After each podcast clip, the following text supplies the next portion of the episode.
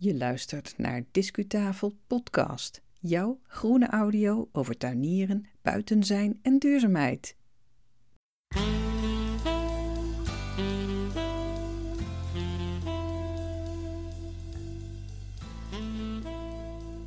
Hoi, hier is dan aflevering 138 van Discutafel Podcast. Deze hebben we gepubliceerd op 23 maart 2023. En zoals te doen gebruikelijk kan je weer luisteren naar de stem van Yvonne Smit.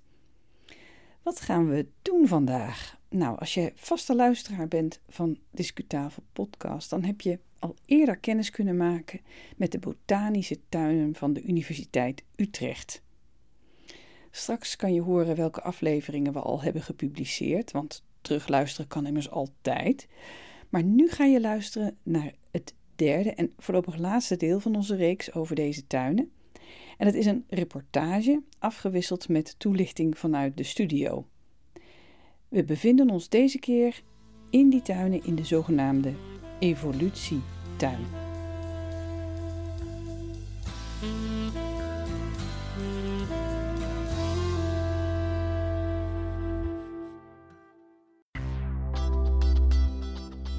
Discu-reportage. Een plek waar je heel goed de wetenschappelijke oorsprong van deze tuinen ziet, dat is de uitleg van de zogenoemde evolutietuin. En die evolutietuin hier in dit deel van de botanische tuinen is eigenlijk een weergave van de evolutie binnen de bloemplanten, zoals een Amerikaans botanicus dat zag. En zijn naam was Cronquist. Met een C begint dat, Cronquist. En hij leefde in de 20e eeuw, is gestorven in 92. En um, in dit deel van de tuin wordt het een en ander uitgelegd over de, um, de manier waarop Cronquist die evolutie zag en ook de, de raadsels die hij zag. Hij wist bijvoorbeeld evolutionair gezien niet goed raad met de plek van één zaad lobbigen in het systeem. Nou, de hele uitleg daarvan met alle wetenschappelijke termen, die zal ik je besparen. Maar mocht je daarin geïnteresseerd zijn, dan is dit de plek om daar meer informatie over te lezen. Ja, hier podcaster weer even vanuit de studio met de eerste toelichting. Straks volgt er nog een tweede. Want die, uh, die evolutietuin uit onze reportage, dat was vroeger vooral een, ja, zeg maar een onderwijstuin. Studenten uh, die konden daar de verwantschappen bestuderen tussen planten. Maar die oorspronkelijke functie als plek voor onderwijs en onderzoek, uh, die, uh, die je vaak zag bij botanische tuinen, die um, zie je tegenwoordig eigenlijk niet meer zo. Um, eigenlijk is het meer een plek geworden om uh, het publiek te informeren en te interesseren in, in plantkunde. Nou, die uh, evolutietuin in de botanische tuinen van de Universiteit Utrecht, die werd aangelegd in 1981. En de indeling was volgens de opvattingen van een Amerikaans botanicus met de naam Arthur Cronquist. En hij bedacht een indeling van planten op basis van evolutionaire verwantschappen. Althans, uh, hij dacht dat het zo in elkaar zat met die verwantschappen. Het systeem werd heel veel gebruikt, vaak in een aangepaste versie. Om die verwantschappen te bepalen had hij echter nog niet de beschikking over DNA. Hij baseerde zich op andere gegevens om die indeling te maken. Later meer daarover. Nu weer verder met onze reportage in de evolutietuin. We zijn nu in een gedeelte van de botanische tuinen en dat gedeelte heet de evolutietuin.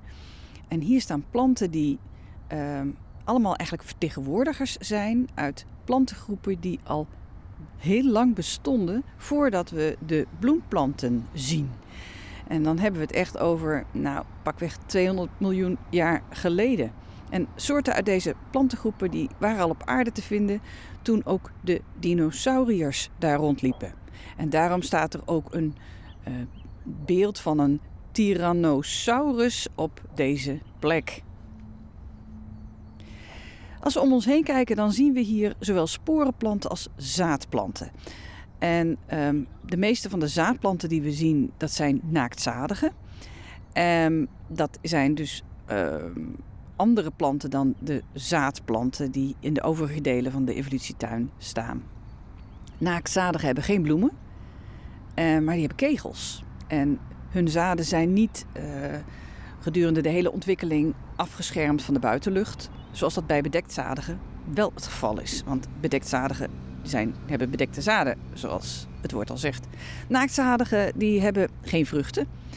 Um, als je um, voorbeelden wilt noemen van naaktzadigen, dan kan je bijvoorbeeld denken aan de bekende mammoetboom, de Sequoia dendron gigantium. Maar ook die bijzondere ginkgo, de ginkgo biloba, die je misschien ook wel kent. Of de pruimtaxus. Of de atlasceder. Ja, en hier je podcaster met een tweede toelichting vanuit de studio. Want in de botanische tuinen kan je vanaf 2024 een nieuwe evolutietuin bezoeken. Waarom is dat nou nodig? Nou, eigenlijk omdat wetenschappers sinds de jaren 80 heel anders zijn gaan kijken naar de evolutie van planten. Zoals eerder gezegd uh, had botanicus Arthur Cronquist nog niet de beschikking over DNA om verwantschappen tussen planten te bepalen. Hij baseerde zich op heel andere gegevens. En dat zicht op DNA hebben we nu wel. Dus nu weten we dat zijn indeling op punten niet meer klopt. Het werd dus tijd voor een nieuwe evolutietuin in Utrecht. Deze zal waarschijnlijk in 2024 opengaan. En misschien publiceren we over die nieuwe tuin ook nog wel eens een reportage in Discutafel podcast. Dat alles betekent overigens niet dat deze meneer Arthur Cronquist destijds geen baanbrekend werk verrichtte, want in zijn tijd was hij een groot wetenschapper. Maar ja, dat is een kwestie van uh, het beroemde voortschrijdend inzicht, niet waar? We gaan naar het laatste stukje van de reportage en die gaat over de sporenplanten in de Botanische Tuinen in Utrecht. In het uiterste hoekje van de botanische tuinen van de Universiteit Utrecht is een, uh, dat is eigenlijk speciaal gewijd aan sporenplanten. En uh, op aarde kwamen al sporenplanten voor lang voordat de zaadplanten er kwamen. En wij kennen ze allemaal. Vooral degene die in de tuin zo'n hinder hebben van bijvoorbeeld paardenstaarten of wolfsklauwen of bepaalde mossen en wieren. Ook varens, die horen allemaal tot de sporenplanten. Maar wanneer je dat hier zo ziet en je ziet de geschiedenis en uh, de, de, de, enorme levensduur die de soorten eigenlijk hebben, dan kan je zelfs als je de eerstvolgende paardenstaart in je tuin tegenkomt, kan je daar misschien nog wel uh, respect voor opbrengen. Bij die sporenplanten worden de sporen eigenlijk gevormd in een soort sporenhoopjes en die zitten eh, bijvoorbeeld onder het blad. Of ze zitten in speciale aardjes. En dat is bijvoorbeeld bij die paardenstaarten het uh, geval. Ze worden door de wind verspreid, die sporen. En um, ja, het is eigenlijk net als met zaden, is het een manier om, uh, om zich voort te planten. Maar ze zijn heel, heel klein. Veel kleiner dan zaden. Ze hebben ook geen reservevoedsel bij zich, zoals de zaden hebben. En ze zijn eencellig, terwijl zaden uit heel veel cellen bestaan. Er is één heel erg opmerkelijk verschil nog tussen sporen en zaden. En dat is dat uit sporen geen volwassen planten kunnen groeien. Want er zitten namelijk andere groeistadia tussen die uiteindelijk nodig zijn om, uh, om zich uh, te vermeerderen. Dat is een heel ingewikkeld biologisch verhaal.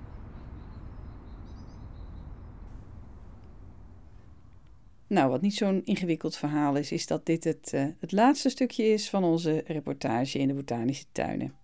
Deze keer wat botanisch ingestoken, wat wetenschappelijk, en dat is eigenlijk vooral vanuit verwondering over planten.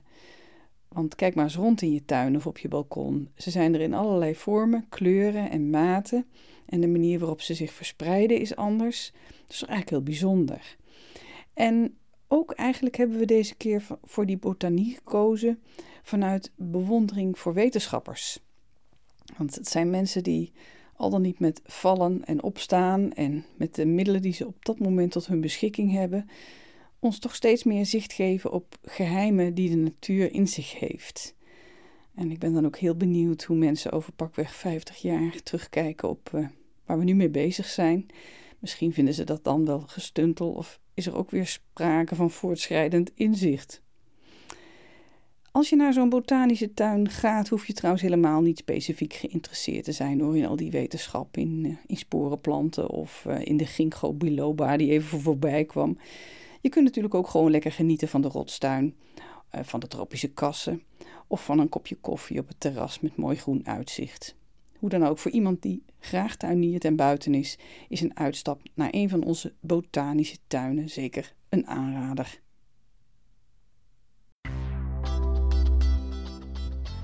Discuslot. Nou, tot zover. Dankjewel voor het luisteren.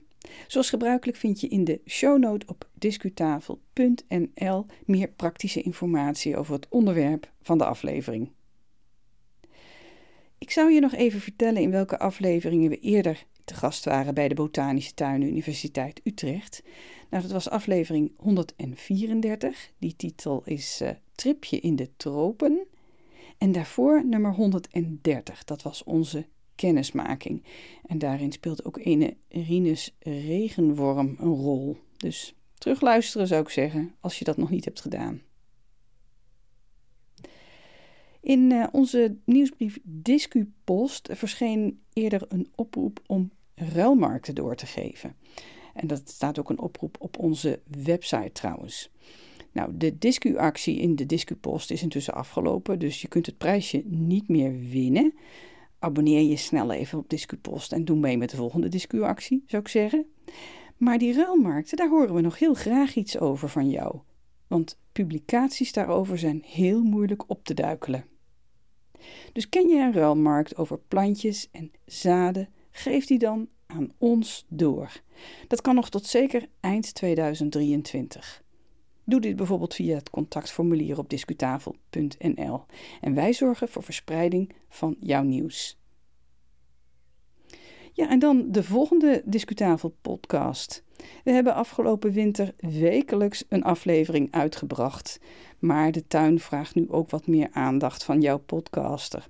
Dus die frequentie die gaat naar beneden. En bovendien gaan we ook nog wat meer reportages op locatie maken. Daarom een wat lagere frequentie in de komende periode, maar we streven ernaar om minimaal één keer per maand een nieuwe aflevering uit te brengen. Ga intussen lekker naar buiten. Graag tot de volgende keer.